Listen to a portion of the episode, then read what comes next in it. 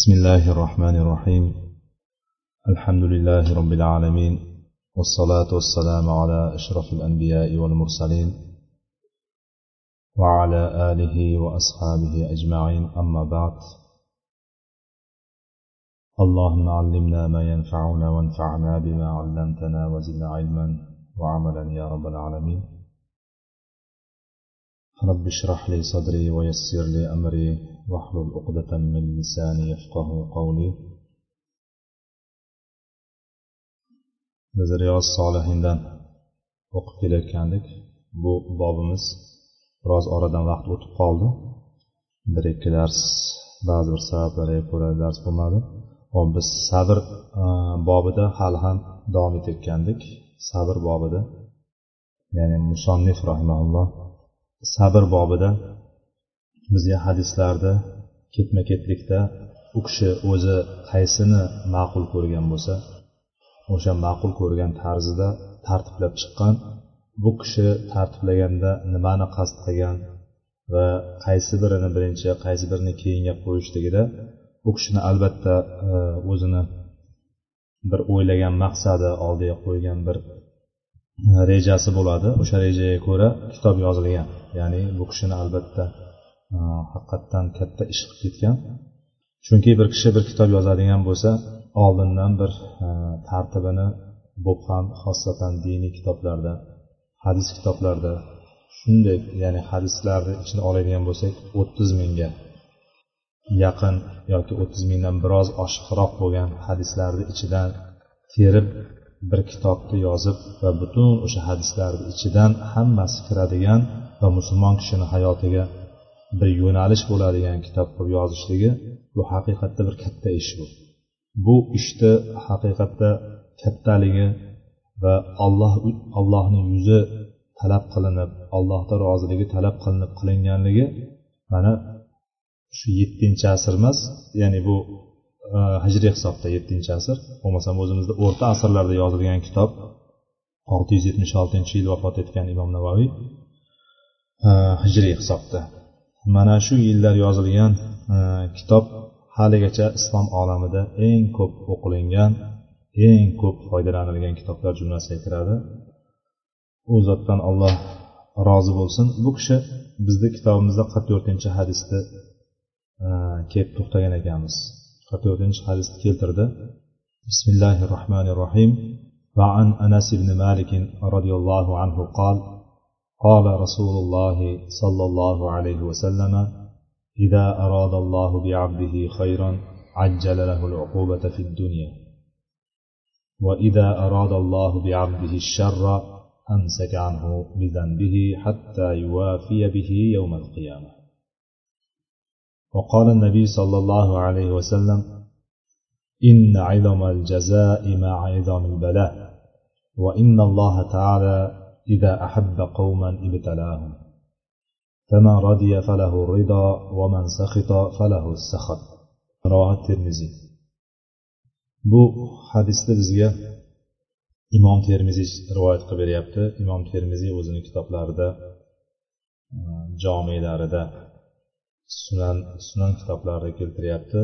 Hasan sanat bilan ya'ni hasan sanadimizni biz e, aytib o'tgandik. Hasan sahihdan e, sahih bilan zaifni o'rtasida uchta e, turi hadis turlari bo'ladigan bo'lsa sahih bilan zaifni orasida joylashgan hasan hadis hisoblanadi.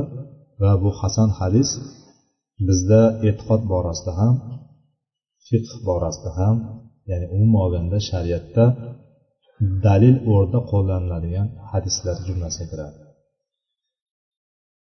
Oxirgi roviy o'laroq bizga e, ya'ni bu sahobiy sahobiy tabaqasidan bizga anas ibn molik roziyallohu anhu rivoyat qilyapti bu hadisni anas ibn molik haqida biz oldin tanishgandik. Yosh sahobalardan biri. Payg'ambarimiz sollallohu alayhi vasallamni xizmatida oxirgi to'qqiz yil yoki o'n yil davomida payg'ambarimiz sallallohu alayhi vasallam xizmatlarini qilgan yosh sahobalardan biri. Bu kishi dediki payg'ambar sollallohu alayhi vasallam shunday dedilar. Agar alloh taolo biror bandasiga yaxshilikni xohlasa yaxshilik xayr ya'ni yaxshilik deganimizda biz ham bilamiz keng ma'no o'zbek tilida ham keng ma'noga ishlatiladi yaxshilik deganda bitta narsaga cheklanmagan yaxshilik keng ma'noda bandasiga qaysi bir bandasi bo'lishidan qat'iy nazar o'shanga bir yaxshilikni xohlaydigan bo'lsa unga uqubatini unga qiyinchiligini unga azobini shu dunyoni o'zidaroq berib qo'yadi. Mana shu dunyoni o'zidayoq alloh taolo berib qo'yadi. U xoh badaniy tarafdan bo'lsin xoh moliy tarafdan bo'lsin moliyaviy tarafdan xoh farzandlariga ahillariga yetadigan balolar bo'lsin nima bo'lishidan qat'iy nazar biz bilganimiz balo deb tushunganimiz har bittasi nima? Shu dunyoni o'zi berib qo'yadi. Bu kimga? Alloh taolo unga yaxshilikni xohlagan bir kishiga. Va payg'ambar sallallohu alayhi vasallam davom ettirdi agar alloh taolo biror bir bandasiga yomonlikni istaydigan bo'lsa yomonlikni xohlaydigan bo'lsa uni gunohini ushlab turadi. Ya'ni o'sha gunohi bilan ushlab qo'yadi. Hattoki qiyomat bo'lganda to'la to'kis qilib turib o'shani hisob kitob qilishligi uchun. Alloh taolo uni gunohlarini ushlab qoladi. Bundan nimani tushunishimiz mumkin? Ya'ni alloh taolo hadisni birinchi qismiga qaytamiz va ikkinchi qismi bir biriga qanday aloqasi bor? Ya'ni birinchi qismida yaxshilik xohlaydigan bo'lsa uqubatini azobini qiyinchiligini shu dunyoni o'zida berib qo'yadi dedi. E, ikkinchi qismida bo'ladigan bo'lsa yomonlikni xohlasa gunohi bilan ushlab qo'yadi dedi.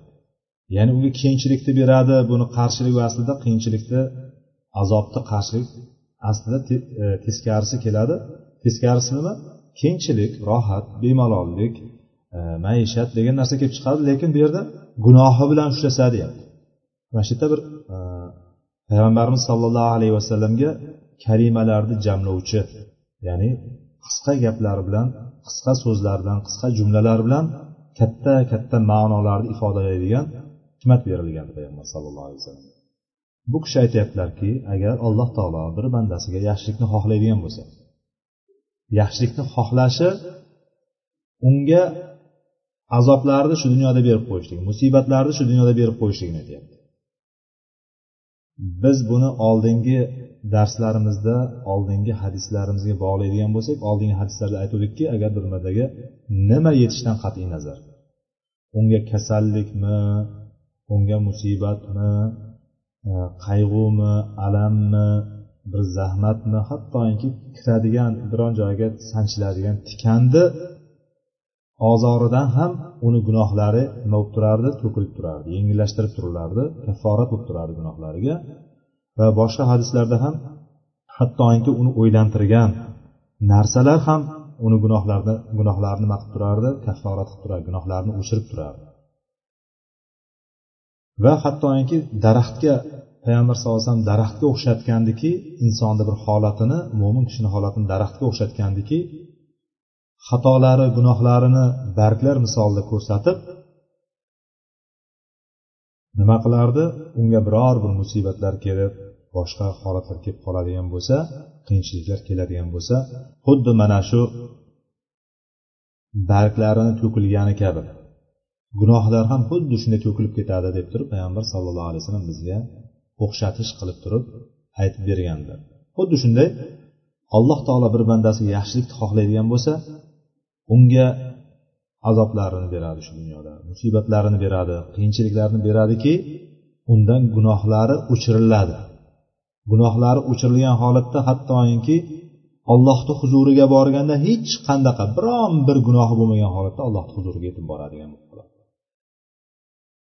hammasiga mana shu qilgan xatolari bormi? Qilgan biron bir adashib qilib qo'ygan xatolari bormi adashib qilib qo'ygan gunohlari bormi yoki bilib bilmay qilgan gunohlariga mana shu yetib kelib turgan azoblar yetib kelib turgan musibatlar unga kaforat bo'lib turadi. Mana shu kaforat bo'lib turishligi alloh taoloni o'sha bandaga yaxshilikni xohlashi hisoblanadi. Ikkinchi tur odamlar bor. Odamlarni ikkinchi turi bor. Ularga alloh taolo yomonlikni iroda qiladi. Yomonlikni iroda qilishligi ya'ni yomonlikni xohlaydi ularga. Bu degani nima? Alloh taolo bandasiga zulm qiladi? Yo'q. Alloh taolo adolati bilan ularga hukm qiladi. Adolat qiladi ularga. Ularga hadis lafzi arodallohu bi abdihi shar ya'ni birinchisida yaxshilik xohladi ikkinchisida yomonlikni xohladi. Yomonlikni xohlasa nima qiladi? Alloh taolo unga gunohini ushlab qo'yadi degani unga qiyinchiliklar azoblar musibatlar kelmaydi degani. Go'yoki yuqoridagi hadisni birinchi qismiga bog'lasak bu dunyoda hech qanaqa bir qiyinchilik ko'rmaydi. Nima qilsa hammasi yaxshilik nima qilsa boyagi aytayotgandek ularni ko'zida maishat bormi rohat bormi farog'ati bormi nima bo'ladigan bo'lsa shu dunyoda hech qanday qiyinchilik ko'rmasdan hatto ba'zilar umuman kasal bo'lmasdan o'tib ketadi. Ba'zilar mana ba'zi rivoyatlarda shu fir'avnni ham umuman kasal bo'lmaganligini ham rivoyat qilishadi. O'sha hattoki umuman kasal bo'lmagan o'sha e, muso alayhissalom payg'ambar etib kelgunicha payg'ambar bo'lib kelgunicha ham biron marta kasal bo'lmaganligini ham bu go'yoki o'zini ya'ni mana men hech narsa yetmayapti menga hech qanday qiyinchilik yetmayapti mana shunaqa rohatdaman farog'atdaman demak men e, xudo bo'lishim kerak degan narsani o'ziga qalbiga o'zini o'zi ishontirgan. Ya'ni alloh taolo bir bandasiga yomonlikni iroda qiladigan bo'lsa uni ya'ni hech qanaqa bir qiyinchiliklarga duchor qilmay qo'yar ekan. Ya'ni bu gunohini ushlab qo'yadi degani qiyinchiliklar kelsa gunohlar to'kilib turardi. Biroz hech bo'lmasam agar kofir bo'ladigan bo'lsa qiynaladigan bo'lsa o'sha qiyinchiligini muqobilida alloh taolo adolat qiladi. Qiyinchiligini muqobilida undan gunohlar balki kechirilar gunohlar o'tib yuborilar ya'ni mo'mindagiday mo'min kishinikidagiday to'kilib ketmagan taqdirda ham qiyinchiligiga yarasha ko'rgan ozorlariga azoblariga musibatlariga yarasha chunki u sabr qilmaydi boshqa qilmaydi unga yarasha ustiga olaveradiku lekin o'shanga yarasha balki alloh taoloni bir adolati o'shandan ba'zi narsalar olib tashlanar.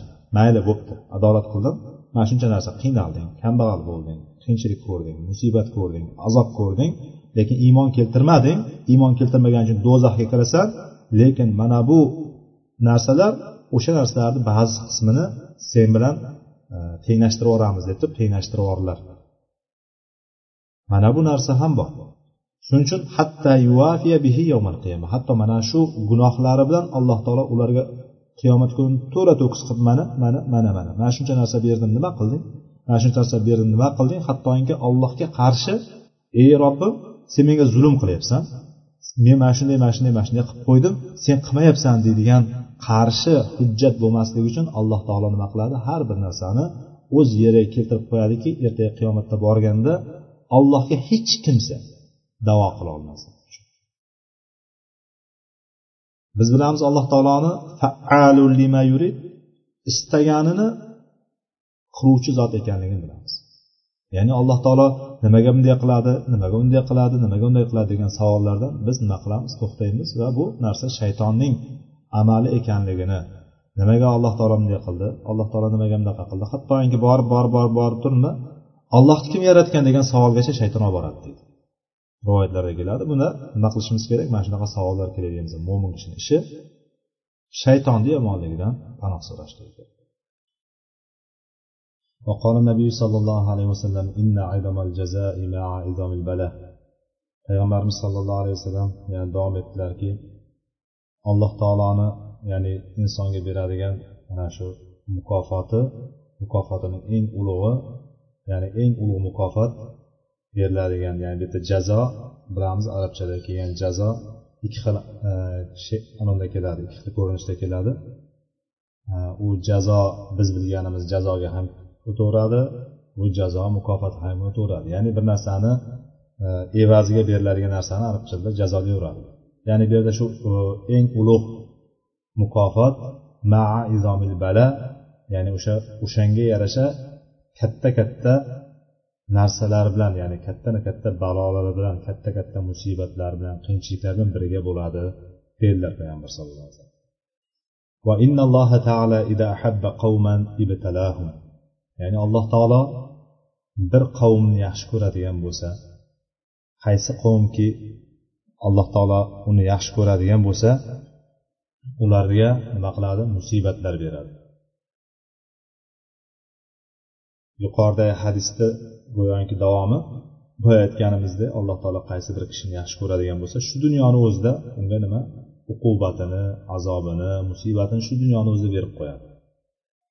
Xuddi shunday alloh taolo bir qavmni yaxshi ko'radigan bo'lsa ibtalahum ularni musibatlantiradi.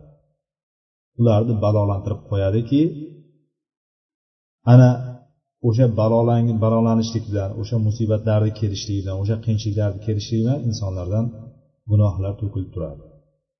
Va mana shu insonlarni hammasi kelgan hammaga keladi bu aytganimizdek hamma insonga albatta shu dunyoda kim bo'lishidan qat'iy nazar unga musibatlar keladi qiyinchiliklar kelishligi aniq. Alloh taolo yuqorida bu bobni boshida imom navoiy ham keltirgan shu baqara surasidagi biz sizlarni albatta albatta nima qilamiz sinaymiz. Nimalar bilan?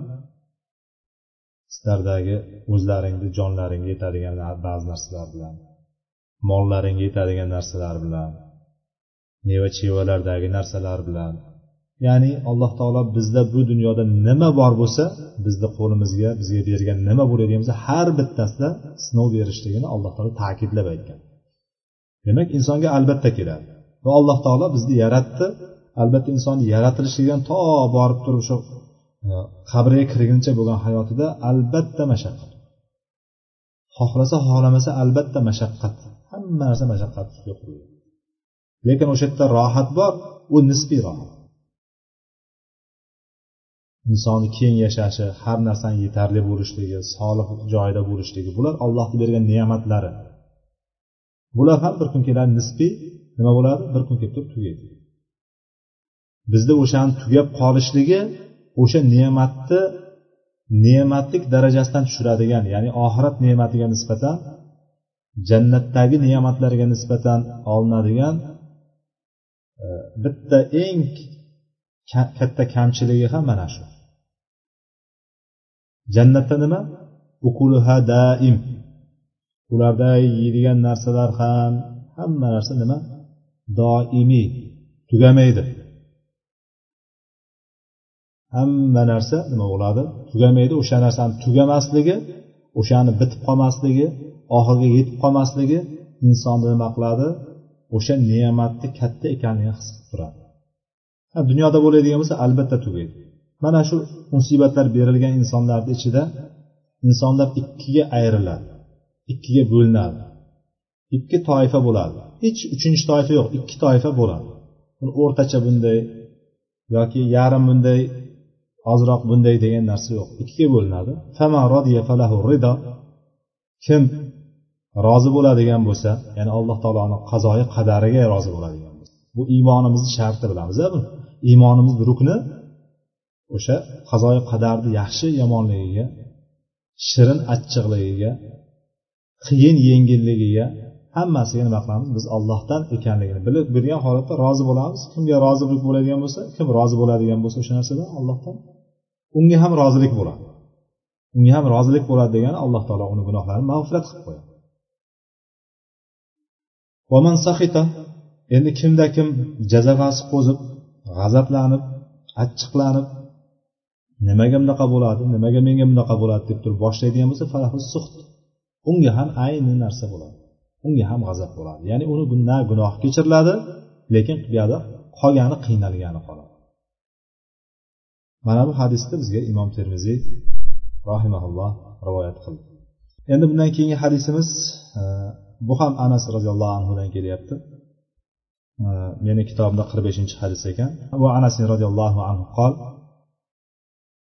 كان ابن لأبي طلحة رضي الله عنه يشتكي فخرج أبو طلحة فقبض الصبي فلما رجع أبو طلحة قال ما فعل ابني قالت أم سليم وهي أم الصبي هو أسكن ما كان فقربت إليه العشاء فتعشى ثم أصاب منها فلما فرغ قالت وار الصبية bu hadis anas roziyallohu anhudan anas ibn molik ya'ni oldingi bundan oldingi hadisimiz ham anas ibn molikdan keldi payg'ambar sallallohu alayhi vasallam xodimlari bo'lgan anas ibn molikdan rivoyat keldi bu hadisga biroz kirishdan oldin sal e, roviylarni holatlari bilan bir tanishib chiqadigan bo'lsak roviylar ya'ni bizga bu hadisda hozir kim rivoyat qilyapti va kimlar haqida rivoyat qilyapti ozgina ma'lumotga ega bo'ladigan bo'lsak bu hadisni yanada yaxshiroq tushunib olamiz. Ha bu hadis bu hadis ekan degan. Bu yerda hozir bizga eng e, bizni hadisimizni mavzusini markazida ummu sulaym bor. Ummu sulaym binti milhan roziyallohu taala anha bu sahobiya ayol madinalik sahobalardan biri. Madinalik sahobalardan biri xuddi mana shu ummu sulaym bu anas ibn molikni onasi. Anas ibn molik roziyallohu anhuni onasi. Payg'ambar sollallohu alayhi vasallam madinaga hijrat qilib kelgan paytda insonlar payg'ambarimiz sollallohu alayhi vasallamni shunday yaxshi qarshilab oldiki hamma o'zida nima bo'ladigan bo'lsa payg'ambarni ravo ko'rishni xohlagan paytda um musulaymdek jasur um musulaymdek aqli raso um musulaymdek farzandini kelajagini o'ylagan ayol kelib turib payg'ambarimiz sollallohu alayhi vasallamni xizmatlariga o'g'lini topshirib ketdi. o'n yoshli bolani payg'ambar sallallohu alayhi vasallam xizmatlariga topshirib ketdi. Go'yoinki payg'ambarimizni madrasalariga qo'yib ketdi desak bo'ladi. Ya'ni keldida meni yonimda hech narsam yo'q lekin mana shu bolani sizga tashlab ketyapman. Mana shu bola sizni xizmatingizda bo'ladi. Deb turib payg'ambarimiz sallallohu alayhi vasallam yoniga qo'yib ketdi. Anas ibn molik roziyallohu anhu ertalab kelarkan va kechga uyga qaytib ketar ularni uyini orasi e, shu qubo tarafda bo'lgan deydi. Ularni uylarini orasi ya'ni biroz uzoqroqda. Ya'ni madinadan uch to'rt kilometr tashqarida. O'sha payg'ambarimiz sallallohu alayhi vasallam kelib joylashgan joyga nisbatan o'sha masjid nabaviyga nisbatan payg'ambarimizni o'sha yerdagi uylariga nisbatan shuncha uzoqlikda bo'lgan lekin o'sha borib qaytib kelib turgan endi bu yerda anas ibn molik roziyallohu anhu oilasida bo'lgan voqeani bizga zikr qildi bu yerda ummu sulaym binti milhan bu bilib oldik kimda anas ibn molikni onasi. Uni ismi haqida biroz ixtiloflar bor. Roviylarni o'rtasida bir necha ixtiloflar bor. Sahla deganlar bor ularni ichida. Romila yoki rumayla deganlari bor. Rumaysa deganlari bor. Va mulayka deganlar ham bor. Ya'ni uchta to'rtta ismlar zikr qilingan. Shundan bu sulaymga kunya qilib berilgani payg'ambarimiz sollallohu alayhi vasallamdan keyin ham rumayso degan va laqabi ham bo'lgan ikkita laqab bilan bo'lgan. G'umayso degan laqabi ham bo'lgan va rumayso degan laqabi ham bo'lgan. Yuqoridagi rumaysa deganimiz bu sa bilan kelgan bo'lsa bu yerdagi rumayso sahroga o'xshagan suhayro degandagiga o'xshagan e, vaznda va sot bilan kelgan farqi shu yerda. Bu rumayso ham g'umayso ham hadisda kelgan. Payg'ambarimiz sallallohu alayhi vasallam lafzlaridan kelgan hadisda rivoyat qilingan. U muslaym ham hadisda kelgan. Qolganlari roviylar bu bo'lishi kerak bu bo'lishi kerak degan e, rivoyatlarni keltirgan. Xullas kalom islomga avvalgi kirganlardan birinchilardan ansorlarni ichida sobiqlardan avval kirganlardan bo'lgan bu ayol. Johiliyat vaqtida ya'ni islomdan oldingi davrida u kishini erlari molik ibn nadir degan kishi bo'lgan. Molik ibn nadir.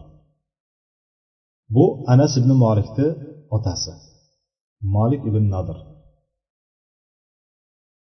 Anas ibn nadir deganni ham bilamiz biz. Anas ibn nadir degani bu mana shuni ukasi u kishi ham musulmon bo'lgan va anas ibn molikni amakilari bo'lgan.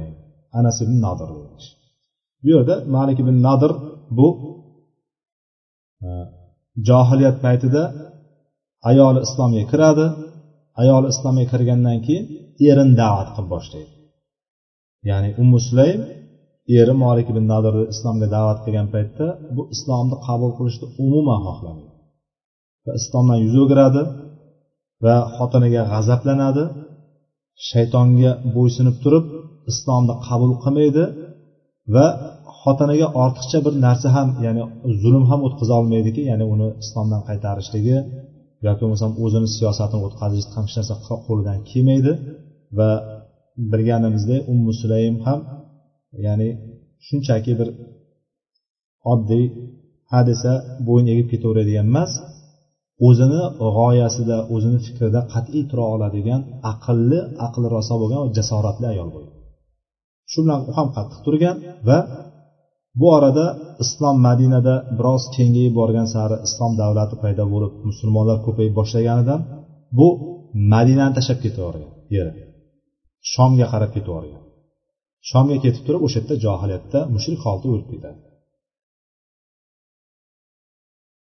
So'ngra ummu sulaym roziyallohu anhoga ummu sulaym binti milhan.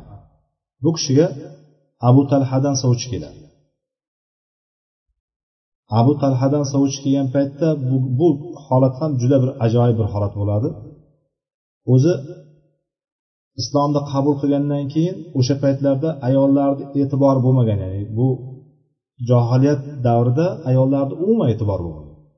Erlar ya'ni markazda erlar hamma ish hamma huquq hamma vakolat erkaklarda bo'lgan. O'shanday holat bo'lishiga qaramasdan eriga shunchalik ularda erga bo'lgan ya'ni erkak kishiga bo'lgan shunaqa manzilat bo'lishiga qaramasdan turib eridan voz kechibyubordi islomini deb ya'ni shunaqa mustahkam bo'lganligi. Endi islomga kirishi bu ikkinchi e, turmushi ham ajoyib bo'ladi. Anas ibn molik rivoyat qilib beradi ya'ni abu talha ummu sulaymga sovchi bo'ldi deydi abu talha. Hali abu talha islomga kirmagan bo'ladi. Abu talha ham ansoriy ya'ni madinalik. U kishi hali islomni qabul qilmagan bo'ladi. Umi sulaym aytadiki men seni taklifingni qabul qilaman deydi. Men senga o'xshagan insonni o'zim senga o'xshagan insonni ya'ni istab turibman senga o'xshaganni ya'ni senga o'xshagan bittasi bo'lsa tegaman. Ama inni fika la ya'ni men seni e, ya'ni hozir sovchi bo'lib kelding men senga jon jon deb yerga tegaman deydi lekin deydi sen kofirsan. Men deydi muslimaman deydi men muslima ayolman deydi agar deydi islomga kiradigan bo'lsang mahrim o'sha bo'lsin deydi agar islomga kirsang tamom deydi mahrim o'sha bo'lsin deydi boshqa sendan hech narsa so'ramayman va abu talha islomni qabul qiladi va uylanadi. Mana bu islom tarixida misli ko'rilmagan va mana shu o'zini erini ya'ni o'zi erini islomini islomga kirishini musulmon bo'lishini mahar qilgan ilk ayol ummu sulaym roziyallohu anha bo'ladi.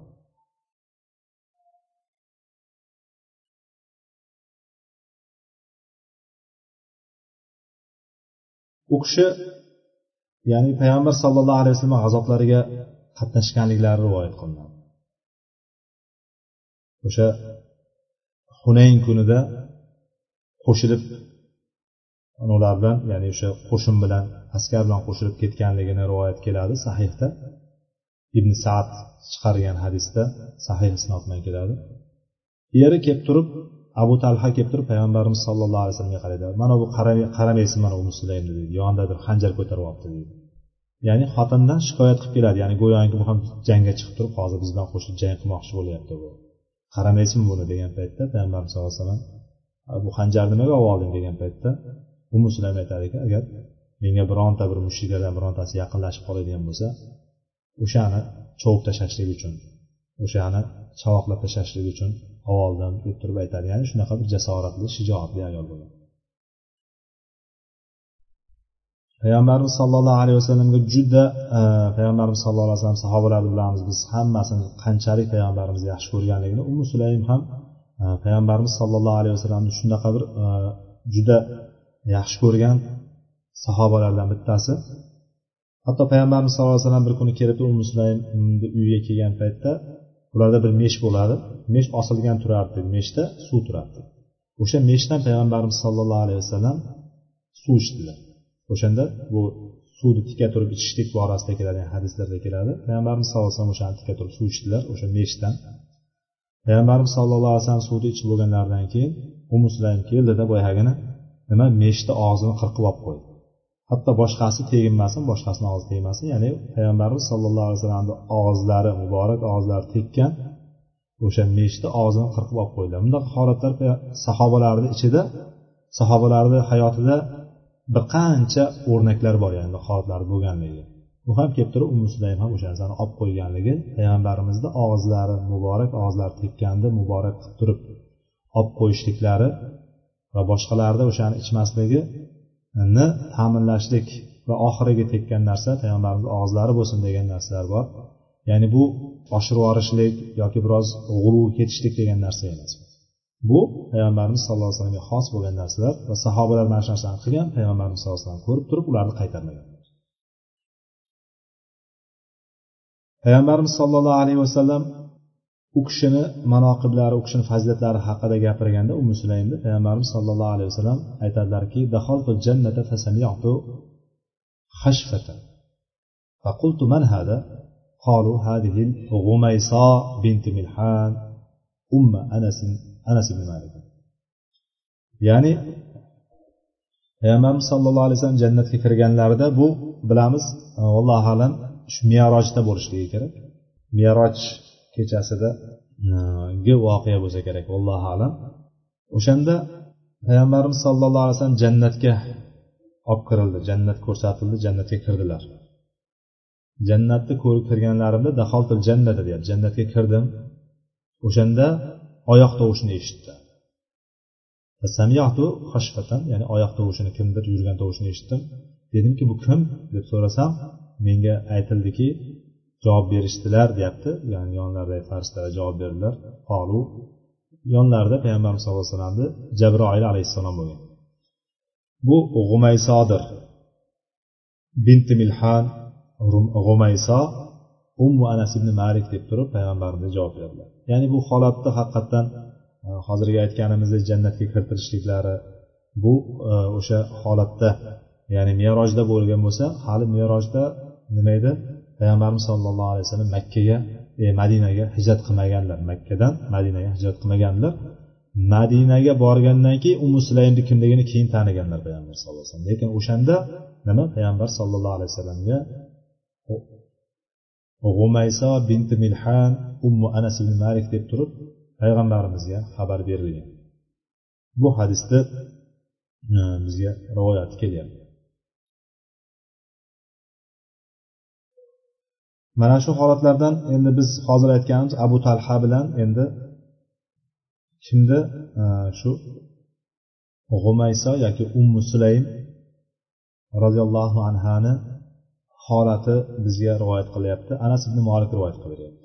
Anas ibn molik ya'ni ummu sulaymni o'g'illari rivoyat qilib beryapti o'zini o'gay dadasi o'gay dadasi abu talhani holati bilan onasi ummu sulaymni va ukasi o'zini o'gay ukasi. O'gay ukasi deganimizda ona bir ota boshqa bo'lgan ukasi. Ya'ni abu talhadan bo'lgan o'g'li haqida e, ukasi haqida gapiryapti.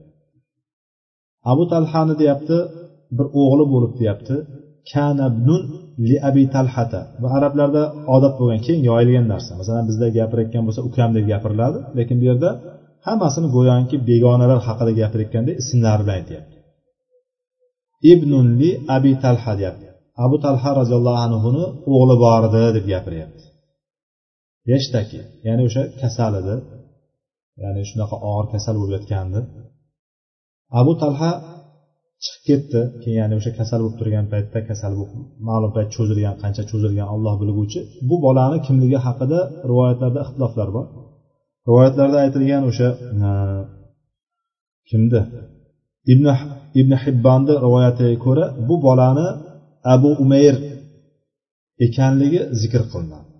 Abu umayr ya'ni payg'ambarimiz sollallohu alayhi vasallam hazillashib e, hazillashgan o'sha bola mana shu bo'lganligi rivoyat keladi. Ya'ni bu bolani e, uch yosh bilan to'rt yosh o'rtasida bo'lganligi tushuniladi bundan. Chunki bolani qo'lida bir qushchasi bo'ladi. O'sha qushcha o'lib qoladi. Qush boqib o'sha qafasda qush ko'tarib yuradi o'sha qushchasi o'lib qolganda payg'ambarimiz sallallohu alayhi vasallam ya'ni o'sha bolani ko'nglini olishlik uchun ya aba umayr ma faala nug'ayr deb turib payg'ambarimiz sallallohu alayhi vasallamni hazillashganligi keladi. Bu rivoyatlar sahih kelgan. Ya'ni payg'ambarimiz sallallohu alayhi vasallam o'sha yosh bolani ham e, o'shanga hazil qilib turib o'sha bilan hazillashganligi kunya beryapti o'shanga. Ey umayrni otasi umayrchani ey umarchani otasi deb turib gapiryapti bolaga.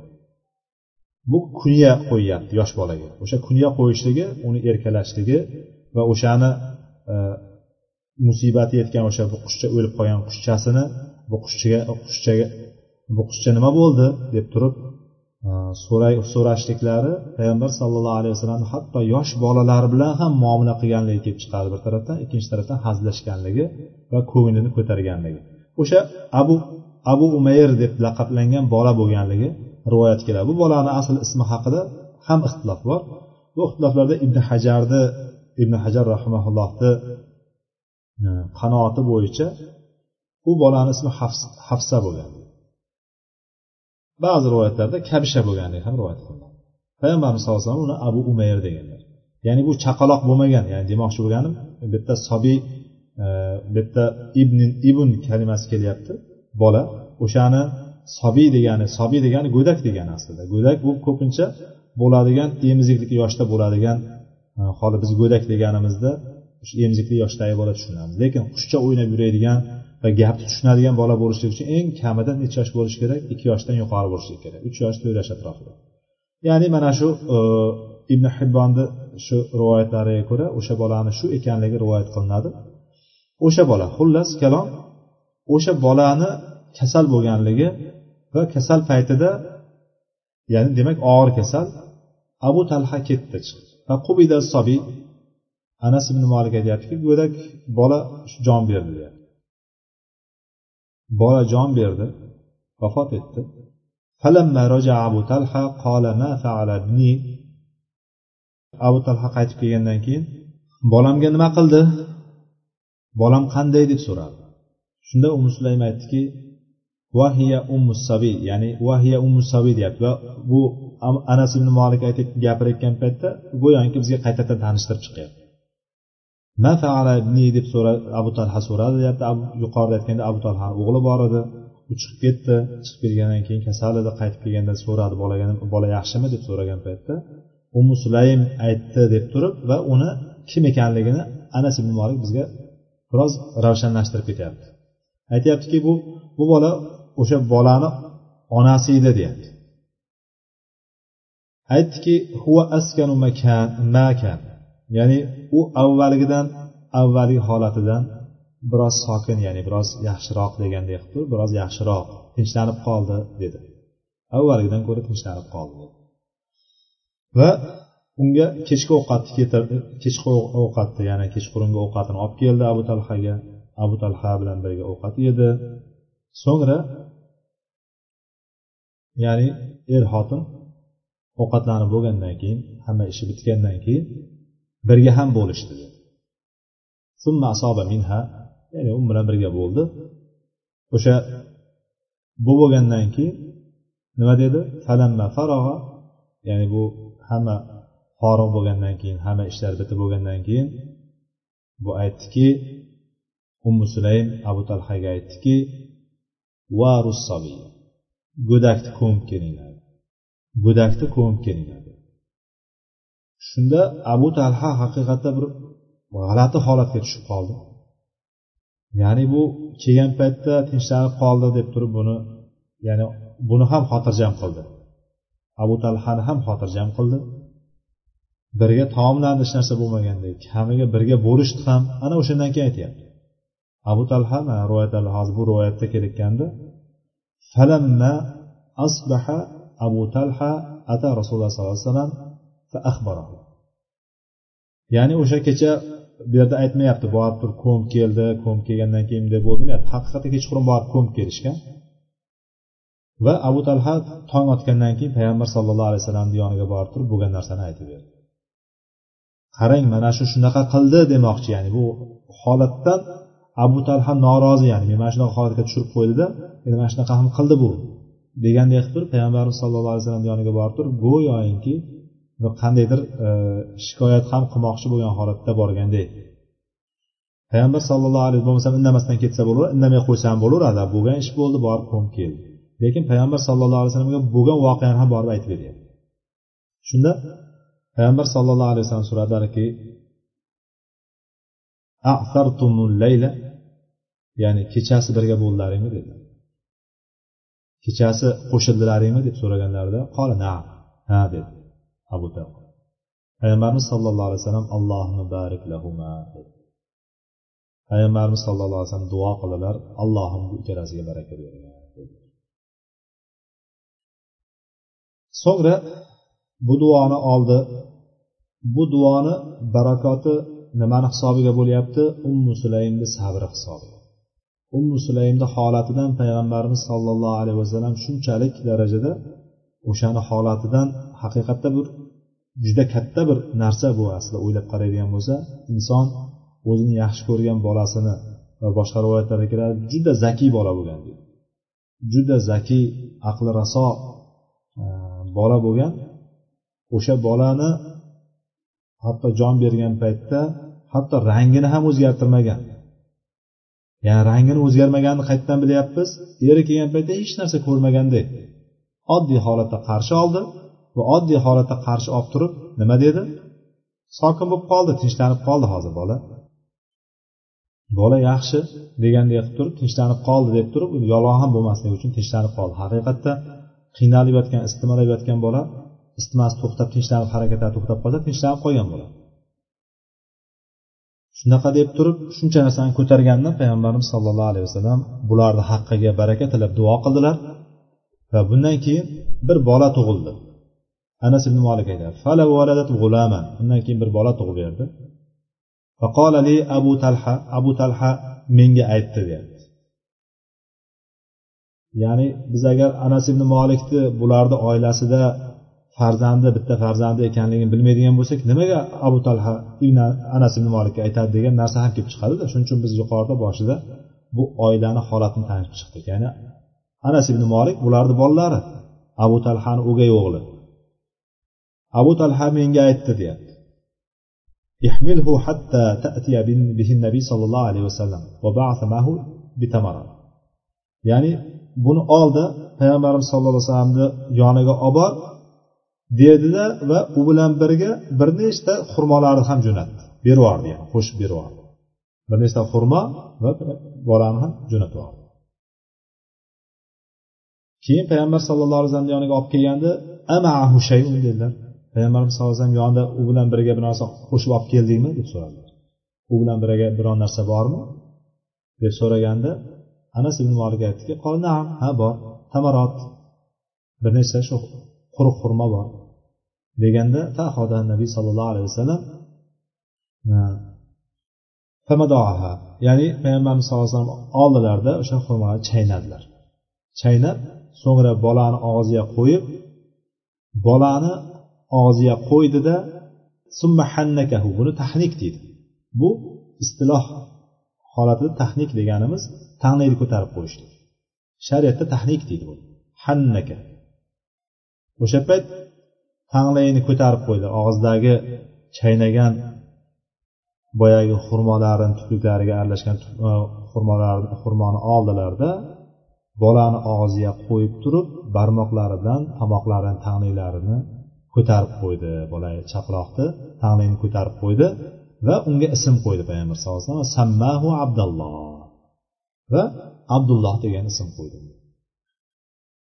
payg'ambar sollallohu alayhi vasallamni mana bu holatda e, ba'zilar mana shu holatdan kelib chiqqan holatda ahli ilmlarga olimlarga e, yangi tug'ilgan bolani ya'ni hech narsa bermasdan turib mana shunaqa xurmo bilan e, birinchi kirgan narsa o'sha kishini mana payg'ambar sallallohu alayhi vasallamga taqlid qilgan holatda so'lagi bo'lsin o'shani va bir shirinlik ozgina narsa bo'lsin degan narsa tanglayni ko'tarishlik degan texnik ishini boshqalar ham qilsa bo'ladi degan narsani chiqarsa ba'zilar bu narsani nima deydi? Payg'ambar sollallohu alayhi vasallamga xos deydi. Chunki payg'ambar sallallohu alayhi vasallamga xos degani allohu alam biroz kuchliroq qovul payg'ambar sallallohu alayhi vasallamdan keyin sahobalarni qilganligi haqida rivoyatlar allohu alam hmm, topilmaydi rivoyatlar kelmagan. Balki bordir allohu alam ya'ni e, shu holatda shu narsalarni chiqargan olimlarni fikriga ko'ra E, sahobalarda nima qilmagan? Ko'rilmagan bu holat. Payg'ambar ya'ni bundan sahobalar bilishganki bu narsani payg'ambar sallallohu alayhi vasallamga xos ekanligi. E, kelib chiqadi. U boyagi e, payg'ambar sallallohu alayhi vasallam madinani bir qabristonlarini yonidan o'tib ketayotgan paytda ikki kishini qabrini yonidan o'tib turib bulari bittasi azoblanyapti ikkalasi ham azoblanyapti bular aslida kichkina narsalar arzimagan narsalaru lekin katta gunohlari uchun azoblanyapti bu katta hisoblanadi deb turib bittasi e, siylikdan saqlanmasdi ikkinchisi bo'lsa chaqimchilik qilib yurardi deb turib nima sahobalarga aytib turib bitta xurmo novdasini olib keladi novdasini ikkiga e, sindirib turib ikkalasiga tiqib qo'yadi keyin shoyat mana shular e, quriguncha ularni azobi yengillashtirilsa degan hadis bor mana bu hadis buxoriy va muslimda keladigan hadis. Lekin odamlar e, sahobalar payg'ambar sallallohu alayhi vasallamdan keyin biron kishini biron bir qabrni ustiga mana shunday narsani qilganligi kelmagan va shuning uchun olimlarni kuchli fikri bu payg'ambar sallallohu alayhi vasallamga xos bo'lgan. Xuddi shunga o'xshagan buni ham e, olimlarni bir e, ya'ni ko'p qismi tahnikni ya'ni tanglayni ko'tarib qo'yishlikni bu payg'ambar sallallohu alayhi vasallamga xos amallardan biri deydi. Lekin qilsa bo'ladimi? Qilishlikda bir anavi yo'q. Ya'ni e, bu narsani qilishlikda bir bidat bo'lishligi yoki boshqa bo'lishligi degan narsa yo'q. Allohu alam. Ya'ni xullas kalom o'sha paytda birinchi bolani og'ziga kiradigan e, luqmani payg'ambar sollallohu alayhi vasallam luqmasi bo'lishligi va payg'ambar sollallohu alayhi vasallamni muborak bir kishi ekanligi alloh tarafidan bir barakot berilgan zot ekanligini sahobalar juda yaxshi bilishgan. Bu hadisni muttafaqun alayh mana shu yergacha bo'lgan qismi. Demak muttafaqun alayh buxoriy va muslim ittifoq qilgan hadis edi. Buxoriyda boshqa rivoyatda ya'ni buxoriyda o'zini rivoyatida. muttafaqun alayh deganimiz ham buxoriyda ham muslimda kelgan hadis. Endi buxoriyda o'zlari kelgan lafzda qola ibn uyayna ibn uyayna dedi deyapti. Faqola rajulun min al ansor ansorlardan bir kishi dedi faroaytu tis'ata avladin kulluhum qad qara'ul qur'ana ya'ni min avladi abdullahil mavlud ya'ni ibn uyayna rahimahullohdan kelgan rivoyatni buxoriy bizga yetkazyapti imom buxoriy rahimaulloh ansorlardan bir kishi dedi deyapti. Bir kishi aytib berdi ya'ni mana shu hodisadan keyin bo'lgan holatda aytib beryaptiki men e, to'qqizta bolani ko'rdim deyapti ya'ni o'sha bolani ya'ni abdulloh deb abdulloh deb qo'ydiyu ismni payg'ambar sallallohu alayhi vasallam. Hozir ummu sulaym bilan abu talhadan dunyoga kelgan bolani abdulloh degan ism qo'yganligi o'sha abdullohni to'qqizta o'g'lini ko'rdim. Ularni hammasi qori qur'on edi deyapti qorilarida qur'on qorilari edi deb turib o'sha ansorlardan bir kishi rivoyat qilgan.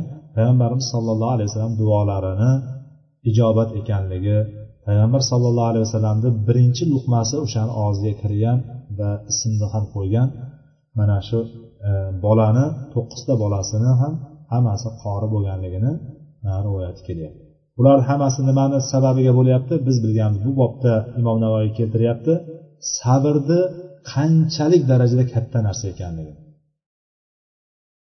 sabrni qanchalik katta bir e, ish ekanligini allohni maiyati allohni birgaligi va'da qilingan va cheksiz ya'ni alloh taolo hisobsiz ajr berishlikni va'da qilgan savob berishni va'da qilgan bu sabr juda katta ish ekanligini mana shu yerdan bilamiz. Va bu ham bo'lsa eng og'ir dunyodagi eng og'ir musibatlardan bittasi bo'lgan yaxshi ko'rgan farzandini go'daklik paytida ya'ni tuproqqa qo'yishlik degan narsa bu ya'ni o'sha narsani ko'rishlik juda og'ir bo'lgan ishlardan bittasi bo'lgan holatda shunchalik sabr qilganligi va mana bu sabrda nima qilganligi sabr qilganda ham shunaqa sabr qildiki niyaha ya'ni navhagarlik deymiz yo bo'lmasam boyagi ovozini chiqarib yig'lab dodvoy solib yoqasini yirtib cho'ntagini yirtib kiyimini yirtib baqirib yig'lashlik degan narsani e, yo'q o'sha narsani qilmaganligi mana bu kishi ummu sulaymni fazilatlaridan bittasiga dalolat qiladi. Umma atiyan rivoyatlarda keladi roziyallohu anhuni biz deydi payg'ambar sallallohu alayhi vasallamda bayat payti. Payg'ambarni e, bayat ridvon o'sha e, katta bayatda payg'ambar sallallohu alayhi vasallam e, bayat olganlar. Ayollarda ham alohida bayat olganlar. Ayollar kelib turib payg'ambar sallallohu alayhi vasallamga bayat berganlar. Ya'ni bayatni biz qur'onda mujmal suratini ham bilamiz hadislarda mukammal ya'ni tafsiliy suratini ham bilamiz. Kelib turib qisqasi o'sha bayat bergan paytda payg'ambar sallallohu alayhi vasallamga ya'ni allohga shirk keltirmaslik zino qilmaslik bu o'g'irlik qilmaslik deganlarni ichida nima? Ahada alayna nabiyu indal bay'a bayat paytida alla nanuha. Ya'ni ayollardan xos qilib oldiki ya'ni ovozini chiqarib dodvoy solib yuzini yuzini yulib yuziga urib yig'lashlikdan nima qildi? Qaytardilar. Biz navhagarlik ham deymiz. Yo bo'lmasam yana boshqa boshqa nomlari bor. O'zbekchada ham bir nechta nomlar berilgan. Go'yandalik ham deydi. Ya'ni bunday olib qaraganda ovozini chiqarib baqirib sifatlarini bor yo'q sifatlarini aytib yuziga urib yoqa yirtib yig'lashni aytamiz ya'ni shunaqa holatdan bittasi aytadiki biz ayollar deydi payg'ambar sallallohu alayhi vasallamdan bayat paytida shu ovoz chiqarib baqirib chaqirib yig'lamaslikka nima qildik? Bayat. Oldi bizdan payg'ambar sallallohu alayhi vasallam umma atiya roziyallohu anhu rivoyat qilib beryapti va fama vafat minna g'oyru xamsatin nisva ya'ni bizni ichimizda o'sha paytda nechta ayol bo'ladigan bo'lsa o'sha ayollardan beshtasidan boshqa birontasi vafot qilmadi ya'ni biz bu holatdan bilamizki ya'ni insonlarni zaif kimsalar ekanligini hatto o'shalar sahoba bo'ladigan bo'lgan taqdirda ham sahoba bo'lsa ham ular ham e, qo'lidan kelgan narsa bor inson toqati bor va toqatidan tashqari narsa bor. Ya'ni toqati ko'taradiyu insonni xatoligi xatokorligi g'olib kelib turib xato qilishligi yoki bilib turib o'sha narsani qilolmasligi degan narsalar ham bor. Ya'ni xosatan ayollarda nima bor?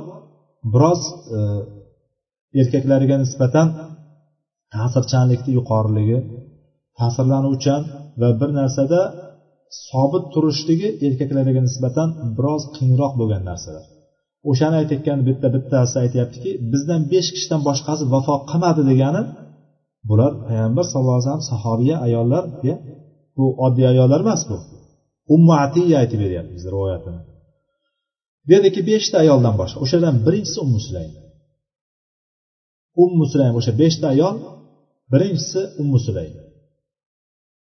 Va ummul ala va ummu alani qizi abu sabra abi sabra va undan keyin imroat muaz muazni ayoli va imroatun uxro va yana bitta boshqa ayol deb qo'ydi. Yani beshta ayolni sana berdi. Demak qolganlarida o'sha navhagarlikni go'yandalikni yoqa yirtib baqirib yig'lashlikni kuzatilganligini umma atiya roziyallohu taolo anha bizga rivoyat qilib beryapti. Mana shu holatda shunchalik katta narsada nima qildi? Sabr qila oldi. Mana shuni evazi nima bo'ldi? Alloh taolo ularga bitta farzand berdi. O'sha farzandni nima? Hammasini qoriyu qurro qildi. Bilamiz qur'onni yod olib turib uni e, yod olib o'shanga amal qilgan qorilarni qiyomat kunida otalarini nima? Ota onalarini boshlariga oltindan tosh kiydiradigan maqomlar berishligini bilamiz. Muslim rivoyatida bo'ladigan bo'lsa muslim rivoyatida mata ibn li abi talha min ummu sulaym faqalat li ahliha. Endi bu muslimni rivoyatida boshqacharoq shaklda kelyapti. Abu talhani ummu sulaymdan bo'lgan o'g'li vafot etdi. Vafot etganda ummu sulaym ahliga faqolati ahliha ya'ni ummu sulaym oilada oiladagi a'zolarga oilada kim bo'lsa hammasiga aytib qo'ydi. La tuhaddisu aba talhata bibnihi hatta akuna ana uhaddisuhu dedi. Ya'ni birontalaring og'iz ochmaysizlar cho'q etmaysizlar. Hatto men o'zim aytaman unga. Sizlar birontalaring og'iz ochganlarni eshitmang ko'rmay ham bilmay ham deb turib ta'kidlab aytib qo'ydi. Oilasiga. Boya aytganimizdek farzandlari bor. Anasi bor anasni boshqa aka ukalari bordir boshqasi bordir xizmatkorlari bordir. Xullas kalom bu yerda hammasiga tayinlab qo'ydi. Abu talha yo'qligida o'g'li vafot etdi. Boya aytganimizdek abu umayr deb turib payg'ambarimiz kunya bergan. Ismini ibn hajar rahimaullohni aytish bo'yicha hafsa degan o'g'li vafot etgan paytda nima qildi? Hammalaring churq etmaysizlar abu talhaga. Men o'zim aytaman dedi. Endi kelgan paytda abu talha uyga qaytib kelgan paytda unga kechki taomni olib keldi ovqat olib keldi ovqatdan yeyishdi ichishdi. So'ngra so'ngra lahu ahsana ma kanat tasannu qabla darik qaranglar bu holatga bir e'tibor beringlar. Ayollar juda katta katta ibratlarni oladigan bu e, bu hadis ya'ni. Ya'ni har doimgi qiladigan ishidan ko'ra har doimgidan ko'ra chiroyliroq o'zini yana e, yasan tusan qildi. Tasannaat lahu ya'ni talha uchun yasan tusan qildi. Qanday? Ahsana ma kanat tasannu qabla zalik ya'ni bundan oldin unga ko'rinadigan yoki uydan chiqib ketayotgandagi holdan yoki umuman har doimgidan ham ko'ra yanada ochilib sochildiki hattoki ya'ni er ayolini chiroyli holatda ko'rgandan keyin aksariyat mana bu holatda demak inson o'ziga jalb qiladi ayollar erkaklarni o'ziga nima qiladi? Tortadi. O'sha holatni ya'ni yasam tusan qildi chiroyli bir holatni ko'rsatdi hattoki undan keyin nima bo'ldi? Shar'iy yaqinlik bo'ldi. bir biri bilan qo'shilishdi ya'ni. Falamma an ra'at annahu qad shabi'a va asaba minha. Endi qaranglar buni ya'ni qorin to'ydi yeb ichdi ya'ni hamma bir nafs istagan ya'ni bu ham erkak kishini nafsi istagan narsani hammasi bu bo'lgandan keyin ya'ni erkak kishini bilamiz uyga kelganda nima? Taom hozir bo'lib turishi kerak ya'ni bunday olib qaraganda uyga kelgan paytda boshqa boshqa masalalardan ko'ra birinchi o'rinda erkak kishi uyga kelganda nimang bor deydi yeyishga nimang bor ya'ni bu holat haqiqatda insonlarni bir erkaklarni tabiatiga bitilgan bu narsaki ya'ni kelgan paytda boshqa narsadan ko'ra birinchi o'rinda nima? Qorin g'ami bor. Biroz ziyrak ayollar bo'ladigan bo'lsa o'sha holatni nima qiladi? Yaxshi bilganidan erini ko'nglini mana shu tarafdan o'ylay oladi. Shuncha aytyapti. Qorni to'yganini va ikkinchisi erkak kishini hirsi bor shahvati bor ayollarda ham bor erkak kishida ham shu narsa bor. Ya'ni o'sha narsalar hammasi bitib bo'lgandan keyin qaradi qorni ham to'ydi shahvat ham bosildi. Ya'ni bunday qaraganda erkak kishi boshqa narsa kerak bo'lmaydigan holatga kelgandan keyin ehtiyojlari tugagandan keyin nima dedi? Qolat ya abu talha ey abu talha أرأيت لو أن قوما أعاروا أعريتهم أهل بيت فطلبوا أعريتهم ألهم أن يمنعوها قال لا aytdiki ey abu talha agar bir qavm sizga bir bir qavm agar omonatlarini bir hovliga qo'ysa bir kishiga bir qavm omonatlarini bir xonadonga berib ketsa qo'yib ketsada so'ngra o'sha omonatni talab qilsa ya'ni kelib turib bizni omonatimni olgani keldim desa uni bermaslikka haqqi bormi deb alahum ayyamnauha ya'ni o'sha omonatni bermay berib tashlab ketgan omonatini bermaslikka haqqi bormi dedi deb so'rovdi abu talha. Aytdi yo'q dedi. Faqolat shunaqa degandan keyin fahtabis fahtasib ibnaka dedi ya'ni o'g'ling bilan savob umid qil dedi. Ya'ni o'g'lingning o'limiga savob umidida nafsingga nafsing tutgin o'zing tutib olgin sabr qilgin deb turib nima qildi? Nasihat qildi. Aslida ayollar nasihatga loyiqroq ayollar yupatishlikka loyiqroq bo'lgan o'rinda ummu sulaym binti milhan shundaqa darajada ediki hatto eriga tavsiya qilib qo'yapti erini yupatib eriga tasalli berib turibdi yana misol qilib keltiryaptiki ya'ni bir kishi bir qavm kelib turib omonat qo'yib ketsa o'sha omonatni olaman deydigan bo'lsa bermaslikka haqqi bormi deb turib ya'ni alloh taolo bizga bu ne'matni beruvdi bir omonatni beruvdi farzand omonatini yana qaytarib oldi. O'shanda biz bermaymiz deb turib yoki olgan paytda biz o'zimiz jazavaga tushib turib g'azab qilib turib yig'lab siqtab dodvoy solishligimiz mumkinmi? deb so'raganday bo'ldi go'yoki eslatish qildi. Oxiratni eslatish allohni eslatish bo'ldi. Va shunaqa yo'q degandan keyin ya'ni bo'lmasam bunday bo'lsa o'g'lingni o'limiga savob umidini sabr qildi fahtasib dedi. Ixtisob qildi shunda abu talha g'azablandi. Boya g'azablandi deb turib yuqoridagi matnda Э, g'azablandi kelmagan taqdirda biz g'azablandini qo'shib ketdik o'zimizdan o'sha g'azablangani bunga qo'shib turib aytdik o'shanda fag'odiba nimaga? Chunki abu talha keldi hech narsa bo'lmaganday xotini unga ovqat berdi yana hech narsa bo'lmaganday uni yonida yasan tusan qiluvdi. Ko'ngli tusadida birga ham bo'lishdi hatto yangi olib qaraganda meni shunday bir holatga junub holatiga bulg'angan holatga tushirib qo'yib turib endi aytasanmi? deganday bo'ldi ya'ni go'yo. Summa qola taraktani hatta ida talattahtu summa axbartani bibni dedi. Ya'ni bu narsani hozir aytgan narsani aytdi ya'ni. Ya'ni bu haqda endi aytadi nimaga bu haqda menga aytmasdan turib meni ya'ni bunday holatga tushirib qo'yding ya'ni. Junub holatga bir nopok bir holatga tushirgandan keyin endi aytasan o'g'lim o'g'limni xabarini. Deb turib jahli chiqdi. Achchiqlandida ya'ni shunday chiqdida ketdi. Borib rasululloh sollallohu alayhi vasallamga borib boya aytganimizdek shikoyatchi bo'lib kelganligini mana bu joydan chiqaramiz. Ya'ni g'azablandida to'xtab tur seni deb turib hmm, hali men boraychi payg'ambar bir so'raychi. Agar noto'g'ri bo'lsa kuning ko'rsataman deganday go'yoki senga bir e, hali payg'ambarimizdan bir dakki eshittiraman seni bu qilig'ing uchun deganday go'yoki bo'lgan narsani payg'ambar sallallohu alayhi yoniga keltirib aytib berdi payg'ambar sollallohu alayhi vasallam unga dakki berishlik o'rniga uni yoki abu talhaga bir narsa boshqa tarafdan deyish o'rniga nima dedi barakallohu lakuma fi laylatikuma dedilar alloh taolo shu kechalaringizda sizga baraka bersin dedilar ya'ni o'sha kechada bo'lgan narsa sabr qildi sabr qilganni natijasida o'sha yerda birga ham bo'lishdi. Birga bo'lgan o'sha kechalaringga alloh taolo baraka bersin deb turib payg'ambarimiz duo qildilar. Va o'sha duolarini natijasi o'laroq nima bo'ldi? Fahamalat homila bo'lib qoldi. Homila ya'ni homilasi ushladi ya'ni bitta farzandni berdi alloh taologa berdi. Alloh taologa sabr qilganligi uchun alloh taolo yangi bir farzand berdi.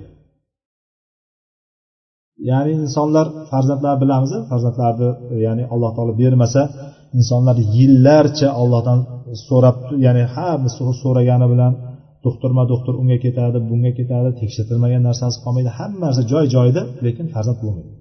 Ya'ni olloh bermasa inson o'zi o'zicha yasab ololmaydi bu narsani. Har narsa qilganlar qilmagan narsasi qolmaganlar qancha?